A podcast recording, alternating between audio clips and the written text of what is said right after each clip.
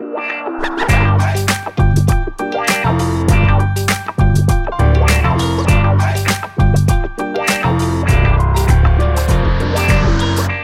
welkom bij een nieuwe aflevering van een podcast over voeding. In deze podcastserie gaan we in op de wetenschap achter voeding en laten we wetenschappers aan het woord over allerlei thema's die met voeding te maken hebben. Uh, en elke woensdag, zoals altijd, hebben we een broodje Jaap.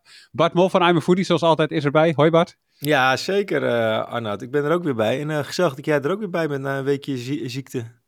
Ja, ja, Ik, uh, ik was vorige week zo iemand die uh, naar de badkamer moest rennen en niet wist wat hij daar ging doen. Oh, nou, uh, we hebben geen details nodig hoor, maar welkom. heeft ook alles met voeding te maken. Ja. ja, maar vooral met een virus, denk ik. Ja. Jaap Seidel, je hoort hem even. Hoi Jaap. Ja. Hoi. Want Goedemorgen. op woensdag nemen we altijd actualiteiten door. dat doen we in een kwartier of net een beetje meer. Um, het hangt er vanaf, meestal een beetje meer. En uh, de actualiteit is uh, wel heel actueel deze week. Want uh, vorige week is Wendy Walrabenstein gepromoveerd op het thema minder reumatoïde artritis en artroseklachten door voeding en leefstijl. En Jaap, jij was haar opponent. Um, een van de opponenten. Een van de opponenten. Ja, ja, dat klopt. Wacht, kun je eerst even heel kort, wat, nu noem ik dit zo. Kan je dat concept even uitleggen als je promoveert? Wat is een opponent? Ja, kijk, een, een, een, promovendus die schrijft in vier jaar of, of langer meestal een proefschrift. En dat bestaat uit allemaal wetenschappelijk onderzoek en een, en een discussie daarover, een reflectie op die wetenschap. En dat uh, moet je dan vervolgens uh, indienen als je promotor dat goed vindt. Hè, dat is degene die je begeleidt. En dan moet je dat proefschrift gaan verdedigen tegen een commissie. En die commissie, dat is een soort van examen, eigenlijk een openbaar examen een mondeling examen.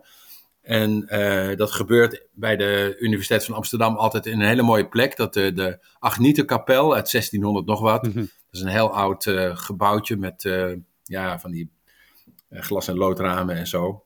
En dat, ehm, ja, dan, dan, dan word je aan de tand gevoeld. Dan, moet, hè, dan is er zo'n commissie en die stellen allemaal hele moeilijke vragen over jouw bladzijde 87 staat dat en dat. Maar hoe kan dat dan? En hoe, hoe rijmt u dat met zus en zo? En dat, die, ja, die getallen kloppen die wel.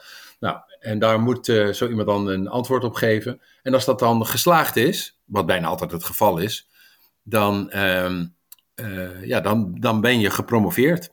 Dan krijg je de, de doktersbul ter plekke uitgereikt door je promotor. En dan ehm, mag je gaan feesten. Yes, en dat was dus eh, vorige week. En kun ja. je um, kort samenvatten wat Wendy's lijn was van haar proefschrift? Wat, uh, wat, ja. wat was haar hoofd? Ja, ik begreep dat Wendy ook een masterclass gaat geven bij I'm a Foodie uh, deze week. Dus die kan het zelf heel goed uitleggen. Maar ik denk dat het belangrijk is om het in een breder perspectief te zetten. En we hebben het bij voeding bijna altijd over diabetes en hart- en vaatziekten. Soms over kanker en allerlei andere, uh, wat ik maar noem metabole ziekten. Uh, maar eigenlijk nooit over die aandoeningen van het bewegingsapparaat. Hè? Want dat zijn er ook best veel en die hebben een enorme impact op de gezondheid van mensen. Als je reuma hebt of artrose of jicht of zo, dan, dan kun je ook niet zoveel meer. Dan, dan ben je enorm beperkt in allerlei uh, zaken. Je moet medicijnen en dat gaat ook nooit over. En uh, tenminste heel veel van die dingen niet. Hè? Dat, en, en, het is een hele complexe manier van, van, van kijken naar voeding. Vroeger dachten ze dat vrij simpel. Toen ik zelf uh, promotieonderzoek deed, keek ik ook naar artrose en zo. En, naar, uh, en dan was het idee altijd als mensen te zwaar zijn, ja, dan, dan drukt dat gewicht op de knieën en op de heupen en op de voeten en zo. En daar krijgen mensen dan last van. Die krijgen slijtage aan, de, aan die gewrichten door, door gewoon die enorme belasting. Um, en ik weet ook nog wel dat een uh, hoogleraar epidemiologie, Jan van der Broeke in Rotterdam destijds, die deed daar onderzoek naar en die keek eens een keer goed naar waar die artrose zit. Hè. De artrose is dus de gewrichtsslijtage als je kraakbeen een beetje uh, aan het wegslijten uh, is en daardoor krijg je pijn. En, um, ja, en die zei, ja, maar het is heel gek, want mensen die hebben juist heel veel last van artrose van de handen als ze overgewicht hebben. En daar, daar zit helemaal geen, geen gewicht op. Dus het moet eigenlijk wat anders uh, wezen. Dus uh, sinds die tijd zijn mensen ontzettend op zoek naar, ja, wat kan het dan wezen in het lichaam dat uiteindelijk die ontsteking en die slijtage van het kraakbeen uh, in die gewrichten doet. behalve dus die, die belasting van het hoge gewicht, want daar hebben mensen absoluut ook wel last van. Ehm, en, en Wendy heeft daar eigenlijk goed naar gekeken. Die heeft niet alleen naar artrose gekeken, hè, dat is die gewrichtslijtage die heel veel voorkomt in, in de bevolking. Honderdduizenden mensen hebben daar last van in, uh, in Nederland. Uh, maar ook naar reuma. Reuma is uh, reumatoïde artritis. Reumatoïde artritis, dat is een, een auto-immuunziekte. Dat is een heel andere ziekte. En daar krijg je van die opgezwollen gewrichten van. Hè. Dat zie je ook wel eens van die mensen die kromme handen hebben. En ze heeft ook nog gekeken naar jicht. En jicht is juist weer een probleem van ophoping van urinezuur in je bloed, waardoor je ja, ontstekingen krijgt die bijvoorbeeld in je teen zitten. Hè. De grote teen, dat is dan typisch zo'n voorbeeld van een uiting van jicht. En dat zijn allemaal reuma, reumatische aandoeningen, zo noemen ze dat. Een reumatoloog kijkt naar artrose en die kijkt naar reumatoïde artritis en die kijkt naar, naar jicht. En zij heeft een leefstijlinterventie gedaan. gekeken als je nou mensen een gezonde voeding geeft, en met name plantaardige voeding, want da daar, daar wilden zij vooral eigenlijk naar kijken. Als mensen dan vegetarisch gaan eten, hebben ze dan minder last van die aandoeningen. En ze heeft daar studies naar gedaan, hebben mensen dus op verschillende diëten gezet en gekeken wat doet het met de pijnklachten. En het bleek inderdaad dat mensen die op zo'n vegetarische voeding gingen zitten in plaats van een normale gebruikelijke voeding, eh, dat ze dan minder pijnkrachten kregen. Um, en de verklaring die Wendy daarvoor geeft is dat in het lichaam, daar hebben we het eerder over gehad, als je overgewicht hebt, de vetcellen produceren allerlei stofjes die, uh, maar ook in de voeding zitten allerlei stofjes die de ontstekingen in het lichaam bevorderen. Um, en dat gebeurt door voeding, vooral door uh, fastfood en door uh, frisdrank en snoep en, suikerrijke producten en vetrijke producten enzovoort. en dat wordt tegengegaan door tomaten, olijfolie, vis en al dat soort dingen. Die, ont, die zijn ontste ontstekingsremmend. En, en, het blijkt dus dat wanneer je een, mensen een meer ontstekings, ontstekingsremmende voeding geeft, dat ze dan dus ook minder van die ontstekingen hebben en dus ook minder last. Uh, dus dat, dat is een heel belangrijke bevinding, want daar kunnen dus heel veel mensen wat aan hebben. Want als je normaal met reuma bij een, uh, of artrose bij een dokter komt, ik heb zelf ook artrose gehad aan, uh, aan, aan een gewricht, want ik ben ook een oude man aan het worden. En dan zegt de dokter, ja, er is niks aan te doen, dat is ja, dat, dat, ja, pijnstillers, weet je wel. En je kunt medicijnen gebruiken als je reuma hebt, reumatoïde artritis hebt. En dan moet je dan je levenslang, moet je daar dan dat elke dag slikken. Met allerlei bijwerkingen enzovoorts. Maar ja, eh, de meeste reumatologen hebben het helemaal niet over leefstijl of over voeding. En dat is uh, denk ik een belangrijke bevinding die Wendy gedaan heeft. Dat ja, de, de reumatologen eigenlijk opgeleid moeten worden en zeggen: je moet ook leefstijladvies geven. Ja, maar eh, als ik dit zo hoor, dan is mijn eerste gedachte: op het moment dat je mensen zegt van let op je voeding, want dat doet ze in zo'n onderzoek. Dan letten mensen op hun voeding. En als ze dan zeg maar langs een fastfoodrestaurant rijden en normaal daar eventjes uh, ja. iets hadden gaan bestellen, dat ze nu dan denken, ja, maar ik doe mee aan dit onderzoek, dus dat kan eigenlijk niet. Um, en dat ze dus ja. bewuster met voeding bezig zijn en daardoor alleen al beter eten. Is dat, is dat, is dat effect uit te sluiten in onderzoek? Ja, dat is, het, maar dat, dat is niet erg. Kijk, als, als maar wat het belangrijkste is, als mensen merken dat ze verlichting krijgen van hun klachten, ja, dan, dan blijven ze dat wel doen. Ja. Het, het, lastige bij het volhouden is vaak uh, bij een voedingsverandering en een dieet en zo, is dat je merkt er eigenlijk niks van. als je afvalt, dan is dat mooi, want dat, dat, dat gebeurde bij deze mensen overigens ook. Hè? Dus die op een vegetarische voeding gingen zetten, die werden ook wat lichter. Dus dat helpt ook bij die klachten. Uh, maar de meeste mensen, als je naar diabetes kijkt of naar je cholesterolgehalte, of, hè, je, ja, je voelt er niks van. Je bloeddruk voel je ook niet. Nee. Hè, dus als dat uh, wel verbetert, uh, doordat je anders en gezonder bent gaan eten, dan voel je je eigenlijk helemaal niet anders. En dat is natuurlijk bij reuma, waarbij je die, ja, die pijnklachten elke dag hebt, elke dag bij het opstaan en ook s'nachts enzovoort. Als die verminderen door een uh, dieet en je hoeft minder medicatie te slikken, ja, dan is dat alleen maar een groot voordeel. Dan merk je meteen eigenlijk dat het helpt. Ja, en waarom uh, hebben reumatologen geen aandacht voor leefstijl? Terwijl nou ja, dat leeft wel invloed. Nou, het zit niet in de opleiding. Hè? Die, die, uh, er zijn zoveel goede, uh, goede geneesmiddelen. Hè? Nou ja, pijnstillers is, vind ik geen geneesmiddel. Dat is eigenlijk het meer onderdrukken van symptomen natuurlijk. Maar er zijn uh, een heleboel geneesmiddelen die je kunt geven. En ja, kijk, in het algemeen krijgen dokters in hun opleiding heel weinig informatie over voeding. er is een, een, een, beweging die heet ZELF, dat is studentenleefstijl. Um, en die houden, dat zijn medische studenten die in allerlei universiteitssteden, al een jaar of zes, zeven, elk jaar voor zichzelf, voor hunzelf, uh, voedingsonderwijs uh, organiseren. Gewoon omdat ze er veel te weinig van krijgen in een opleiding.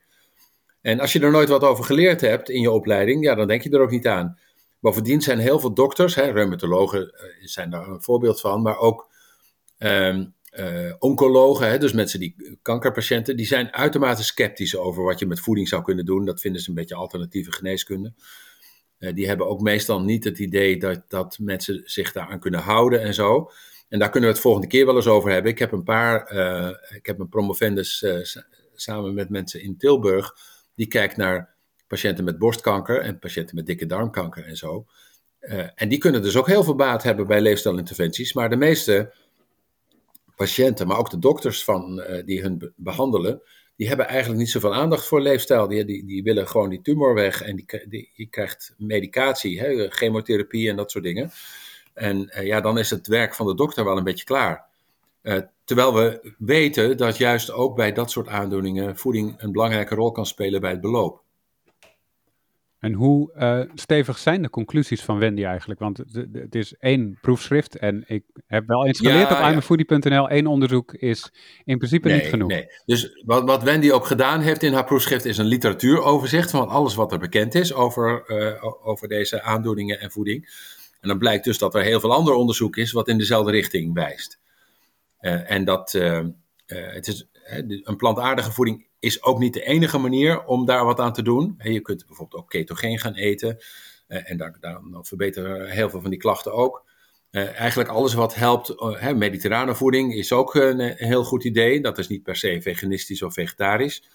Maar ook dat helpt bij die klachten. En er is dus best wel veel meer onderzoek. Juist ook vanwege die bevindingen, die inmiddels al 20, 30 jaar oud zijn. Dat die laaggradige chronische ontsteking in het lichaam door, door ongezonde leefstijl, door roken en door weinig bewegen en ongezonde voeding, uh, ja, dat wordt steeds meer erkend als een belangrijk onderdeel, wat eigenlijk ook een oorzaak is van heel veel verschillende uh, aandoeningen. En dan hebben we het over reuma en over al die metabolen en, en hart- en vaatziekten, dat soort dingen, en kanker, maar ook over dementie en over uh, mentale gezondheid. Dus die, die chronische ontsteking in je lichaam, dat is iets waar uh, waar heel veel uh, gevolgen van zijn op allerlei terreinen.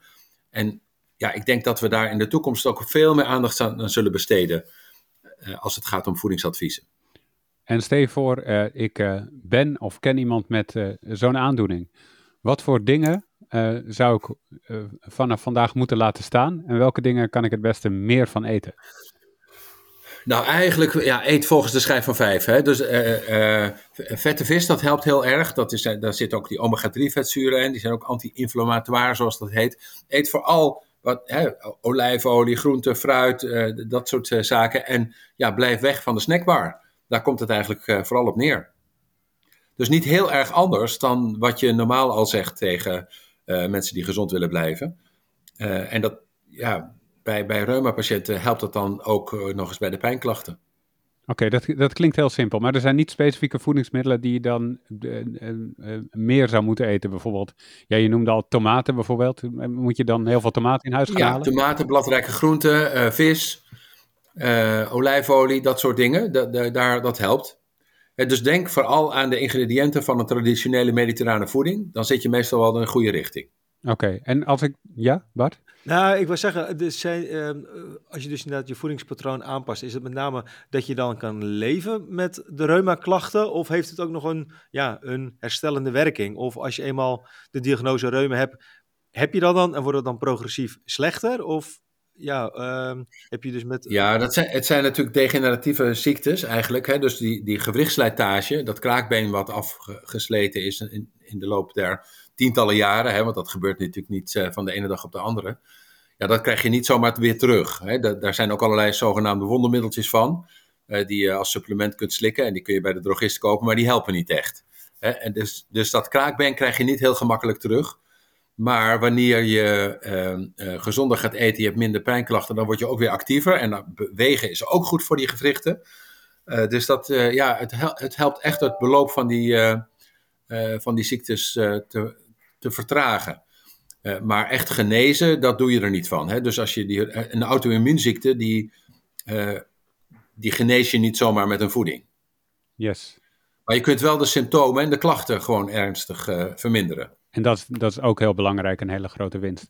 Dan heb ik nog eh, twee dingen. Eén, één ding aan ieder van jullie die ik wil vragen.